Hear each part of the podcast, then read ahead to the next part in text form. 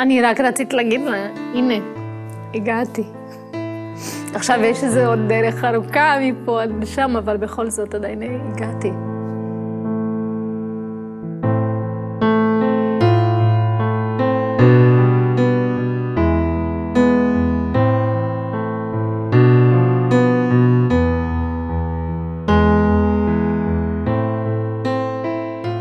שלום ז'יאני, שלום, מה שלומך? בסדר. אני תמיד מתחילה במה שלומך ואני מתכוונת ל... על המחשבות הקטנות שעוברות לך כרגע בראש או בדרך לפה. היו לך בטוח. המון. אמ, הרבה בירורים, סוג של חידוש על כל מה שעברתי בחיים, איך הגעתי לפה. זה היה זמן אה, מיוחד. אני לוקחת אותך אחורה בזמן לסן פאולו, בברזיל. את נולדת באיזושהי עיר, עיר ש... יחסית שקטה ורגועה, כן. אבל בבית לא היה כל כך רגוע. נכון. קחי אותי לתוך הבית. אז אה, אני נולדתי בעיר ליד סן פאולו, עיר גדולה, ואני לא זוכרת את עצמי לפני הגיל חמש. זוכרת את עצמי אחרי גיל חמש, שההורים שלי כבר היו לא גרים ביחד, לא... היו סוג של ביחד ולא ביחד. בא אליי כל יום אבא ולראות אותי ואת האח שלי, יש לי אח יותר גדול ממני, שנה וחצי, וחצי אחות. ו... אז אה, גדלנו אני ואח שלי ממש ביחד כל הזמן. אה, ממש זוכרת אותו כל הזמן, כל החיים שלי. ואחרי זה אני זוכרת שאבא כל הזמן היה בא אליי ולבקר, אבל הוא לא ממש מסתדר עם אימא שלי, וגם אימא שלי לא איתו, אז כל הזמן היו רבים. וזה לא היה שקט בבית, למרות שהם כבר לא היו ביחד, אבל בגלל שהוא היה בא כל הזמן לראות אותנו וזה, והם לא מסתדרים. עד זה היום. השפיע עלייך. מאוד. איך? בבית ספר, ב... ב... בלימודים, אני לא הצלחתי להתרכז כל כך. היום אני יודעת שזה בגלל זה, אבל אז אני לא ידעתי. אז הייתי כל הזמן חולמת. כן? כל הזמן בבית ספר הייתי מחפשת משהו שייתן לי... אה, אני, אני הרגשתי שהיה חסר לי אוויר. זה מה שהרגשתי. היה חסר אוויר ב... בחיים. זה, מה זה האוויר הזה? למה... זה, זה מה שיש לי עכשיו.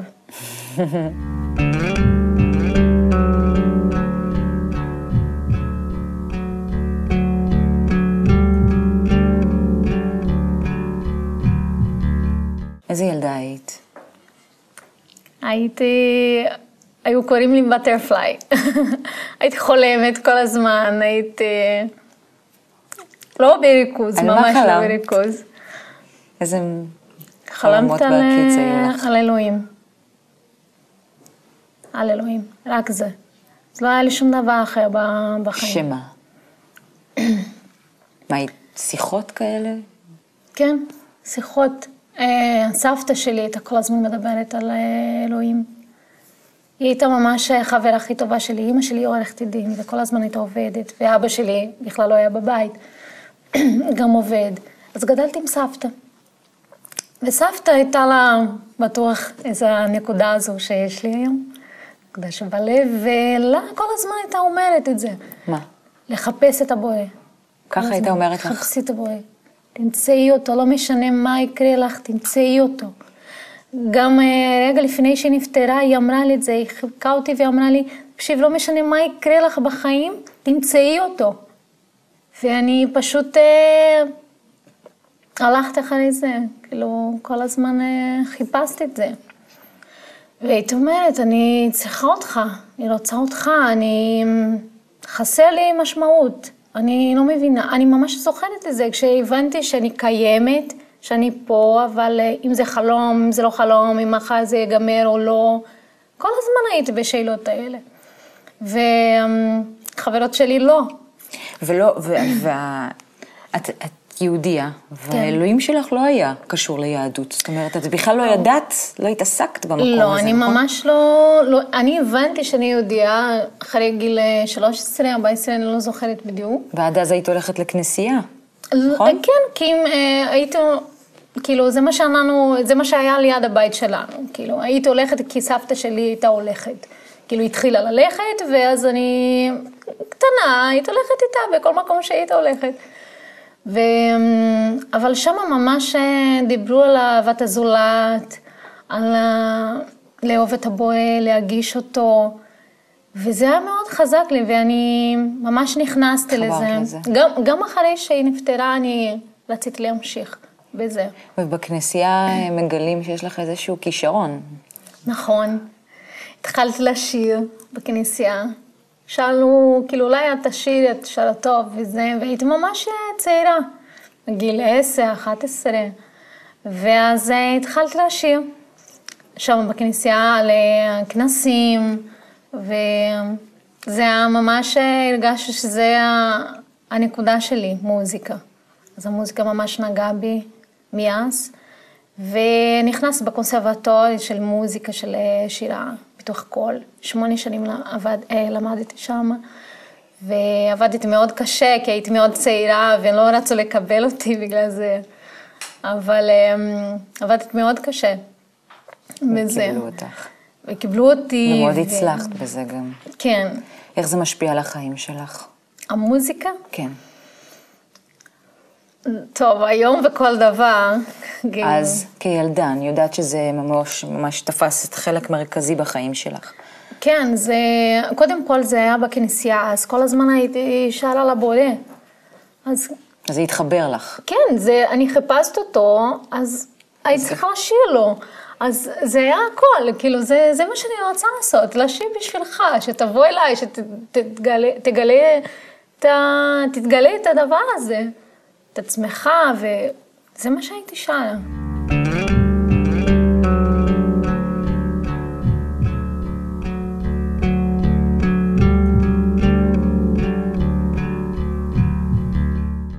היה חסר לי שקט בחיים, בנפש. ואז עזבתי את הבית בגיל 19, ונסעתי לסן פאולו לבד, לגור שם. סן פאולו זה מאוד גדולה, זה כמו ניו יורק, וזה היה מאוד קשה להורים שלי לקבל את זה. אבל אה, כאילו הייתי מה גדולה. שצריך להיות, כן. כן, הייתי צריכה אה, להתחיל אה, דף חדש וזה, ו... ואיך נפתח שם הדף הזה? אני התחלתי לעבוד בפוליטיקה, היה לי כמה קשרים מהעיר שלי, והתחלתי לעבוד כעוזרת פרלמנטרית. עבדתי שמונה שנים בפרלמנט, זה היה ממש כיף לי. דינמי. כן, כזה. כן, לאופי הייתי כל שלך. הזמן אקספרטיבית, ואז כל הנסיעות האלה, לפעמים שהייתי קמה בבוקר ולא לא ידעתי איזה בית מלון הייתי, כאילו, איזה, איזה עיר הייתי, כאילו, סליחה, איזה עיר אנחנו, כאילו, בבוקר. זה היה, אהבתי. וכל הפוליטיקאים שעבדתי, לא כולם, אבל אה, זה היו חלק גדול, הם היו גם פרוטסטנטים. כנסייה, זה לא קתולים, הם פרוטסטנטים. והם מאוד אהבו אותי גם, והיה בינינו ממש קשר טוב. והתחלתי לעבוד במוזיקה בזה. התחלתי לנהל אולפן של מוזיקה, ותמיד בסביבה המוזיקלית, זה- זאת הייתה הסביבה שלי. וזה, אני נרגעתי, נרגעתי הרבה שנים, כי זה המוזיקה, הייתה עבודה טובה, ונסעתי כל הזמן. בוא נגיד שנרגעתי. ואז מה קורה?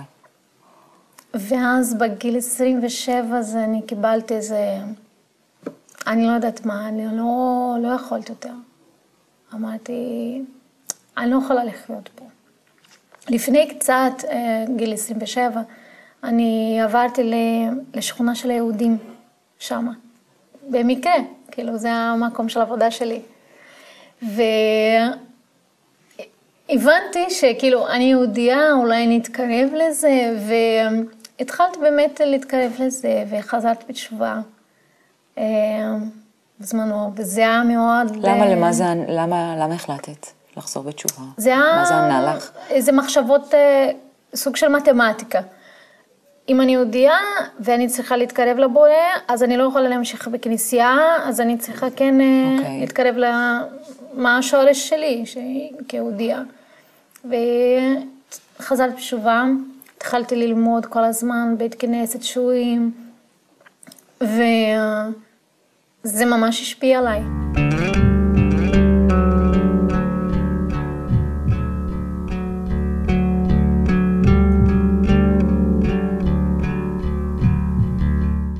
אז יום אחד אני הסתובבת בשכונה יהודית ונכנסתי לחנות של יהודים. אה, מנורות, דברים כאלה וספרים. והתחלתי לקנות אה, הרבה ספרים אה, של החסידות, מאוד אהבתי. ואז פתאום אני מסתכלת לצד השני ואני רואה קבלה, כתוב שם למעלה. אז uh, אני זוכרת שזה היה כמו מייש כזה, אני יואו, קבלה, ואני זוכרת שאני קניתי ספר אחד מכל, מכל, מכל הקולקציה שהיה שם, אני קניתי אחד מהם. קניתי כל הספרים שיכולתי ולא יכולתי. למה? מה שמעת על זה? מה היה? לא שמעתי כלום. אז מה פתאום? אני לא יודעת. המילה, המילה קבלה. רק זה. המילה עשתה לי את זה. אוקיי. וקניתי ספרים וזה, והתחלתי ללמוד קבלה שם עם ברג. בברזיל יש לו מרכז מאוד אה, חזק בסן פאול. והתחלתי ללמוד שם. וביחד עם זה מתחזקת בדת, וזה היה דרך כזו שממש... מתחבר לך. כן, כאילו, בסדר, אני יהודייה, אני דתייה, ואני גם לומדת קבלה בצד, וזה כאילו, זה הכל אה, מסתדר לי בראש. למרות שבצד השני של הדתיים לא כל כך אהבו שאני הולכת ל... ללמוד קבלה, אבל אה, לא היה כל כך אכפת לי מהדברים האלה. שהאמת שמאוד, אף פעם לא אהבתי שהחברה קובעת מה אני צריכה לעשות. Mm. אני אף פעם לא אהבתי את זה שאנשים, את צריכה להתנהג ככה. כי אני אף פעם לא עמדתי בזה, אני תמיד הייתי שונה מכולם. אז כאילו, למה, למה אני צריכה לעשות את זה? לא, אני, אני רוצה להיות את עצמי ואיך שאני צריכה לעשות. והרגשתי אה, חוסר חופשי, איך אומרים את זה? אה, היה לי, חסר לי חופש בחיים. אוויר. אוויר, כן. ואני אני זוכרת שלקחתי, התחלתי ללמוד והתחזקת בזה, עד שיום אחד אמרתי, זהו, אני לא, אני לא יכולה יותר, אני חייבת להגיע לזה, לא משנה לאיזה חשבון. הגעתי ל, ל, ל, לעבודה שלי, אמרתי, אני צריכה חצי שנה של חופש, אני נוסעת לארץ, אני רוצה לעשות קיבוץ, אולפן קיבוץ, ולבוא לפה ולחפש משהו פה. ואז אמרו, טוב, שישה חודשים וזה, זה עניינים. בסוף אני הלכתי ל... זאת אומרת, משהו התגבר במקום הזה מעל העבודה שמאוד עניינה אותך. כן. מעל המוזיקה. זה היה לי קשה, תשמעי, אני עשיתי את הדבר שאני הכי אהבת בעולם, שזה לשיר. זהו. היה לי עבודה מהממת, כאילו, לא היה לי שום דבר להתלונן. היו לך התלבטויות? היו לך ספקות? את זוכרת את הרגעים שהיית חושבת עם עצמך, אולי לא, לא אולי כן? ממש הייתי צריכה לעשות את זה, ואמרתי, אני נוסעת לישראל. אבל uh, בהתחלה חשבתי שישה חודשים, כשהגעתי בסוכנות החלטתי באותו רגע, תביא את הדפים של העלייה וזה, והחלטתי לעשות עלייה. זה... לא פחדת. פחדתי, פחדתי, לא ידעתי עברית. כאילו, עד היום אני לא יודעת, אבל אה, לא ידעתי מילה, מה, כאילו, לנסוע למדינה אחרת, ולא משנה כמה שאת קרובה לדת וכל דברים, זה שונה. הישראלים זה, הם שונים מיהודים מחו"ל. ומה כן חיזק אותך? הרצון, הרצון ש... של למצוא את הדבר הזה. החוסר שקט. הציקו לי כל הזמן, הציקו לי. הבורא עשה לי את זה, כאילו, מה אני יודעת, אבל אז לפני, כאילו, מה... אני זוכרת, קראתי, לפני לבוא לפה קראתי ב, ביומן שלי, שאני בדיוק כתבתי את זה, מה, למה, מפ, למה אתה מפריע לי? כתבתי לו את זה. זה משהו שלא יכולתי להתגבר לזה, והחלטתי, והלכתי לאימא שלי, אמרתי, אימא, אני נוסעת לישראל. את גם כתבת משהו מתוך... כן. ואז אני הבאת את זה. זה סוג, חלק מההיסטוריה שלי, ופה אני כתבתי בפורטוגזית כמובן, וכתבתי פה הסיבות למה אני עולה לארץ, כי היא התחילה לבכות, והיא אמרה, למה, וזה, תלכי שנה, לא צריך לגור שם, לא לעשות עלייה וזה. אמרתי, לא, אני חייבת לעשות עלייה. אז היא אמרה, למה? ואני זוכרת שזה היה כל כך חזק, השיחה שלנו, וכתבתי לה את זה. את כתבת לה? כן, וזה התאריך פה בשביעי, בראשון ב-2005, ואני עליתי לארץ ב-13. והוא כמה ימים לפני לעלות למטוס, אני כתבתי לה סיבה. הסיבה הראשונה זה היה ללמוד קבלה. זה הראשונה. שתיים, ללמוד עברית ולשיר בעברית ולהיות ישראלית.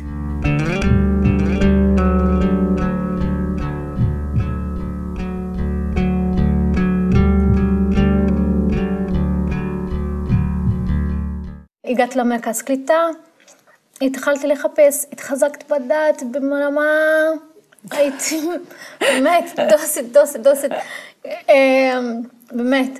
והתחלתי ללמוד במדרשות, במדרשה, ואז שמה אמרו לי שאישה לא לומדת קבלה, שזה אישה ורק אחרי, אחרי גיל חמישים, וכל כך התאכזבתי, אמרתי, יואו, אני עזבתי את הכל בשביל זה, איך עכשיו אני לא יכולה ללמוד? מה אני אעשה עכשיו? כאילו עזבתי את הכל ובאתי לפה ולא יכולה ללמוד. וממש התאכזבתי. יצאתי מהמרכז קליטה אחרי שמונה חודשים, ופעם ראשונה הזכרתי דירה בירושלים, בנחלאות, והיה לי שני מזוודות שהבאתי מברזיל עם הבגדים שלי וכמה ספרים. לא קניתי כלום עדיין, כן? שמונה חודשים בארץ וזה. אה, ונשרף לי את הדירה, נשרפה לי הדירה בירושלים. הגעתי הביתה אחרי יום עבודה, והיה הכל שרוף. ולא היה לי כלום, כלום. ז, זאת הייתה התחושה הכי נוראית שאני זוכרת שעברתי בחיים. שכאילו, אני עזבתי את הכל, באתי לפה, למה אתה עושה לי את זה? למה אתה עושה לי את זה? מה אתה רוצה? אתה רוצה שאני אחזור? עשית דרך לא נכונה. ממש אמרתי לו את זה. ככה לבורא. ואיזה ידיד שלי דיבר איתי בטלפון ואמר, תקשיב, אם אני היית, אה, את עכשיו היית חוזר, אבל אני לא את, ואת שונה ממני, אז תעשי מה שאת צריכה לעשות. ואני זוכרת שקיבלתי כוח מהמילה הזו, והלכתי לבית של החברים, ללישון עד של... לשלם את הדירה, הכל. ואני זוכרת שבכיתי באותו ערב ואמרתי, אתה, אתה, אל תבלבל את המוח שלי, כאילו, אני ממש ממשיכה בזה, מה אתה חושב? שאני אוותר בגלל זה? יכול לסרף עוד כמה בתים שלי, אני ממשיכה פה, אני לא עוזבת את ישראל, אני ממשיכה פה, אני אמצא את זה. לא משנה על איזה מחיר, אני אמצא. וכל המשפחה שלי, שלי בלחץ, כאילו, תחזרי, מה את עושה? ואמרתי, לא, אני ממשיכה. אז אה, בזמן הקרוב הכרתי בחור ישראלי, ועברנו לגור ביחד בהרצליה. וזה זה הזמן שזה היה הכי קשה לי, שלא הסתדרנו מההתחלה. זה היה סוג של מריבות, בדיוק כמו שהיה בבית שלי, זה היה אותו דבר. מאוד אהבת אותו, הוא בחור מקסים וזה, והוא גם אהב אותי, אבל לא הסתתרנו, זה היה משהו שם שלא יודעת מה, לא, לא מסתדרים. ואז אה, נכנסתי לדיכאון, פתחנו עסק בהרצליה והכל ביחד, ונכנסתי בדיכאון, ממש, והפעם הראשונה בחיים שלי שאני זוכרת את עצמי בדיכאון. אני כולו בלחץ כל הזמן, ופעם ראשונה זהו, נפלתי. לא היה לי טעם יותר. בשביל מה? עליתי לארץ, הגעתי לפה, ממשיכה, מנסה, ושום דבר לא קורה. זה היה ממש ככה, ובאתי את הטעם. אני חושבת שאפילו רציתי למות, לא יודעת, כאילו, פשוט אה, לא רוצה לחיות. בשביל מה? בשביל מה לחיות? בשביל מה... כבר לא היית דתייה אז גם. אה, הייתי, הייתי עדיין, כן, אה, כי הוא גם היה דתי. Mm. ולא כמו שהייתי אז לפני, אבל כן הייתי. ו... אבל אז מה זה הקטע הזה שאיבדת את הטעם לחיות? מה חשבת? בוא נגיד שהדת לא הביאה לי את השקט הזה שאני חיפשתי.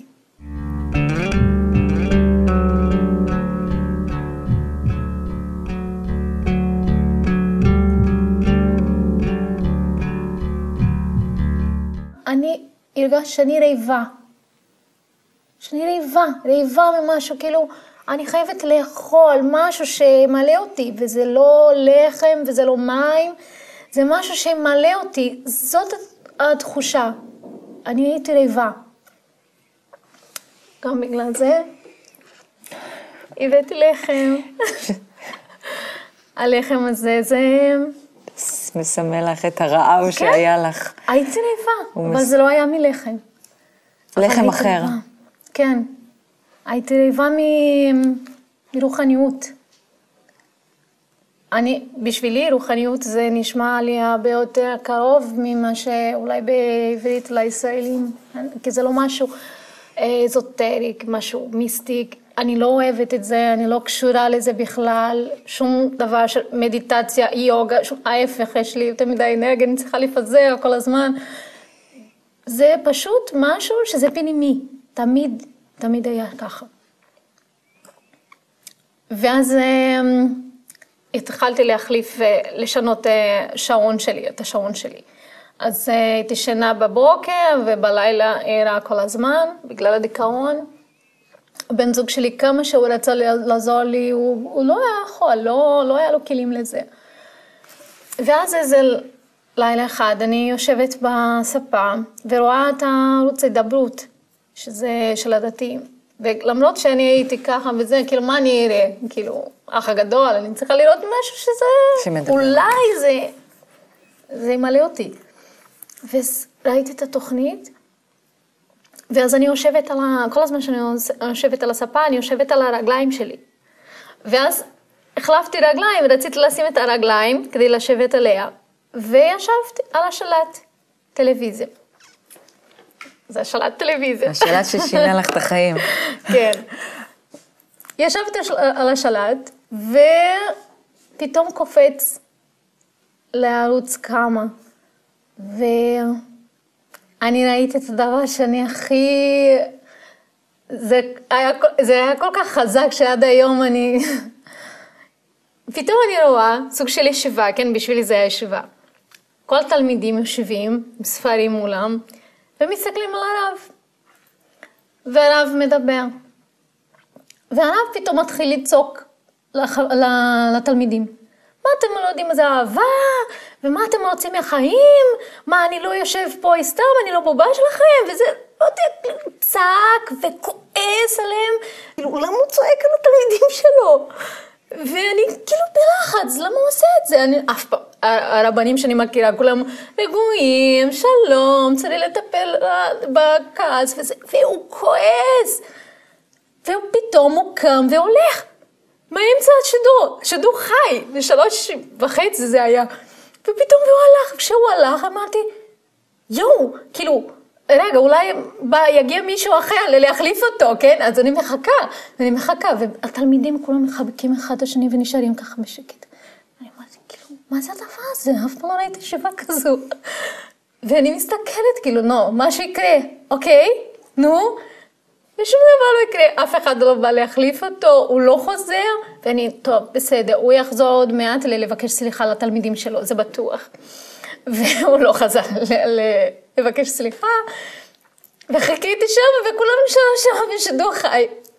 כאילו לא הבנתי, והייתי ביום אחרי זה, אמרתי לבן זוג שלי, תשמע, אני מצאתי ישיבה מדהימה, מוזרה, אבל הרב, הוא צועק לתלמידים שלו. כאילו, הוא כועס כזה, הוא רב כועס כל הזמן. ואז אה, הוא אמר, טוב, בסדר, תראי, אולי היום, אמרתי, לא יודעת מתי מתחיל, זה אני מצאתי את זה בשלוש וחצי, לא יודעת אם זה יהיה עוד פעם.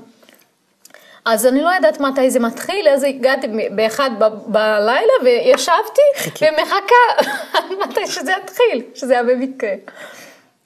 ואז התחיל השיעור עוד פעם, ואז הרב מתחיל לדבר. אז אנחנו צריכים לדבר על אהבה, שזה מה זה אהבה, וככה רגוע, ופתאום לא צועק, ופתאום הוא לא כועס עליהם, וכולם מקשיבים, והוא לא מתנצל, על מה שהוא אמר אתמול.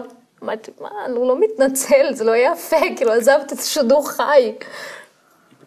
וכלום, שום דבר לא קורה, הוא ממשיך אותו דבר. וכולם מקשיבים לו, אמרתי, יואו, יש משהו פה מאוד מוזר, זה לא, זה לא טבעי. ואני פשוט זוכרת שלא יכולת להפסיק לראות את זה כל, כל לילה. כל לילה הייתי מסתכלת על זה, הייתי מתרגשת מאוד. כל פעם שהוא היה מדבר עם התלמידים, על השאלות של התלמידים, ולא הייתי מבינה כמעט כלום. אה, עד שיום אחד ב... עשיתי טיול בירושלים, וזה היה ביום שלישי, ופשוט אמרתי לעצמי, אני נוסעת עכשיו לפתח תקווה, לשידור שיש, שידור חי שיש ביום, בימי שלישי של הרב, להרצאה שלו. אני נוסעת. ונסעת, אבל אני זוכרת כמו שהיום, שאני ממש התרגשתי כל הדרך. שהגעתי לפה קרוב למרכז, הלב שלי, כאילו, היה כמו בית ספר סמבה, ממש ככה. אני כל כך התרגשתי ופחדתי, פחדתי שאנשים לא יבינו אותי, פחדתי ש...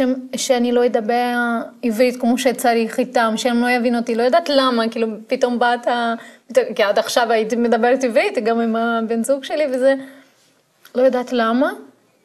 הגעתי ופתאום מצאתי מישהי שקוראים לה מיריאן, שהיא ארגנטינאית.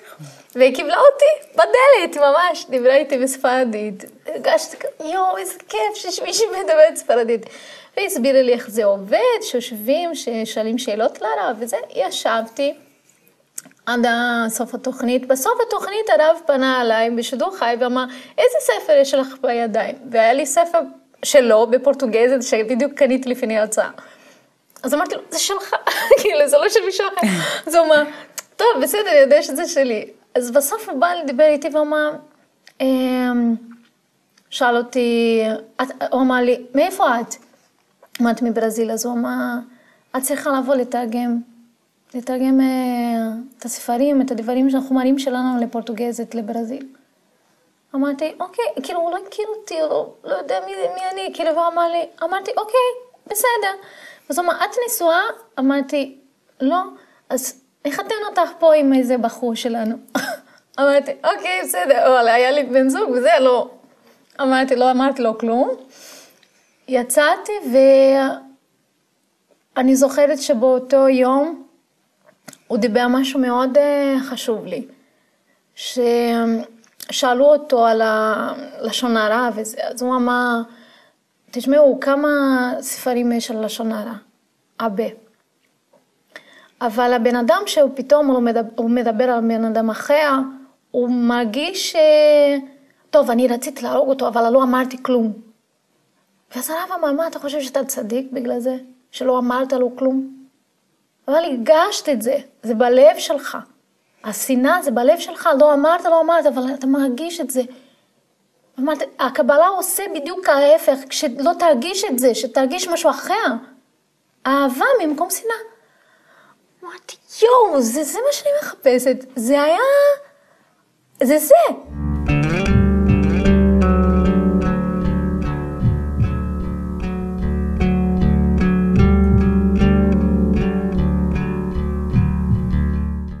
לספר על הכנס ב-2008? אה, נכון.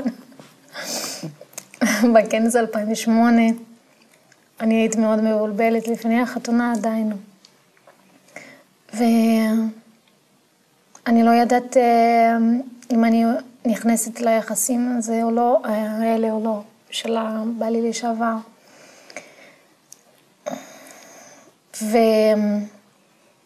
וזה היה הכנס, היה הכנס הראשון שלי, והגעתי אליו, וממש לא הבנתי מה קורה שם. זה מאוד מוזר, בלי הכנה, בלי כלום. כאילו, התחלתי לפני, אבל אה, לא, לא הבנתי מה קורה שם. ו...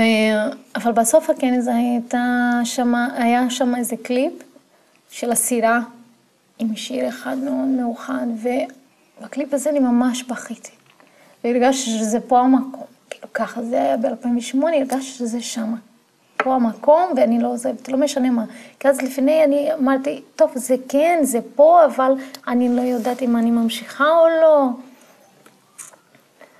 ואז ההחלטה הזו שכן זה המקום, הבנתי שכאילו אולי אני, אני צריכה באמת בחור שלומד קבלה. כאילו זה, זה ייתן לי כוחות. ואז בא מישהו אחר ורצה להכיר בינינו, לי ורועי, ב-2008. אבל הוא היה גם במקום אחר בחיים שלו, ואני במקום הזה. והסתכלנו אחד את השני והבנו שאנחנו צריכים ללכת עד הסוף איפה שאנחנו הולכים. ואני התחתנת והוא התחתן, והוא התגרש, אני התגרשתי, ונפגשנו עוד פעם. אז מ-2008, שכל ה... שרצו להכיר בינינו גם אותו דבר,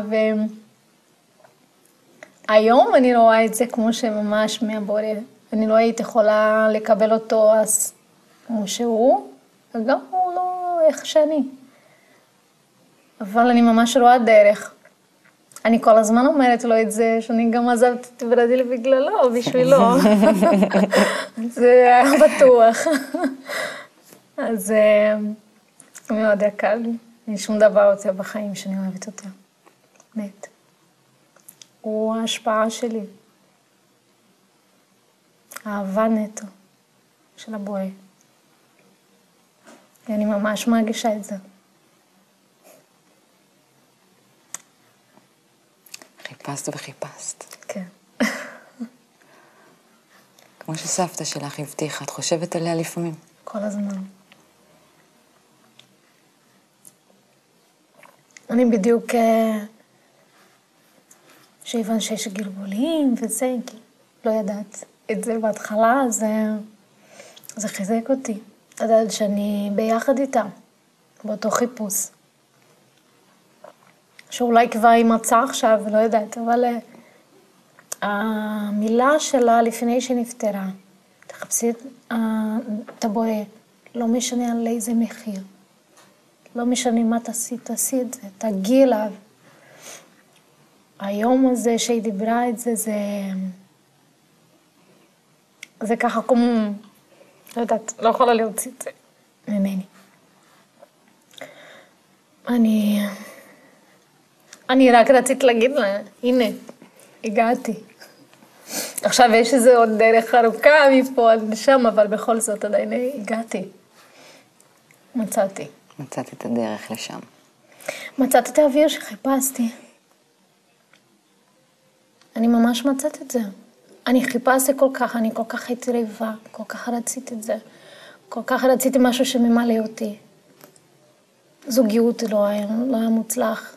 נעליים ותיקים של נשים שמאוד אוהבות, לא. לא היה ממלא אותי הכסף, העבודה, הקריירה, המוזיקה. כלום.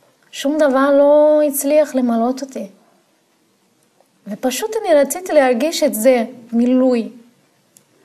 עכשיו זה קצת שונה, המילוי הזה. כי לפני אני רציתי רוחניות בשבילי. אני רוצה למלות את עצמי ולהיות בכיף, בסדר. היום אני יודעת שאני לא יכולה לעשות את זה. שאני תלויה באחרים, ואחרים תלויים בי. ואני... ששם נמצאת הרוחניות. אני, אני ביחד איתם. ואז כן אני אקבל את הרוחניות. וכאילו, אז אני הבנתי, כל הדברים האלה שהגעתי לכנסייה לפני, כל הדברים האלה, איך אני הייתי צריכה לחפש, כל זה, זה היה חיפוש. חיפשתי כל כך, רציתי כל כך. זה היה הכל בשבילי, זה בשביל זה באתי, בשביל זה עזבתי את הכל, עזבתי את המשפחה, וזה בכלל לא קל לחיות בלי משפחה בארץ. אבל אה, כל פעם שאני באיזה איזשהו כנס, שאני שומעת את הרב, שאני ממש מבינה שזה היה שווה. היה שווה שנשרף הבית ולא עזבתי, שהיה שווה ש... ש... שאני פה. היה שווה בשביל זה, בשביל הרגע הזה, לספר לאנשים. כי אנשים מחפשים ולא יודעים איך להגיע, וכמוני. והייתי צריכה לעשות הכל הזה. היום אני מודה לו. לא כועסת עליו יותר. איזה שיר בחרת? שיר של בעלי, רועי מירון, הוא כתב אה, שיר שקוראים לו תדליק לו יואר. אה, להדליק אור זה בדיוק מה שרציתי, מה שחיפשתי. וכל המילים של השיר, זה, זה בדיוק את זה. החיפושים, ששום דבר לא ממלא אותי, אנשים מדברים ואני לא שומעת את המילים שלהם. כל מילה למילה לשיר זה החיים שלי. וזהו, זה השיר. תודה רבה, ז'ני. תודה לך. לחיים. לחיים. הכבישים שלי לא הולכים לשום מקום. ומחשבות גדולות שהיו נגמרו לי פתאום. המילים שאמרתי אתמול, היום לא אומרות שום דבר.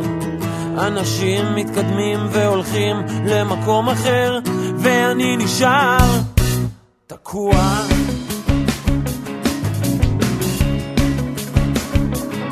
אני רואה את השפתיים זזות, אבל לא מבין על מה הם מדברים.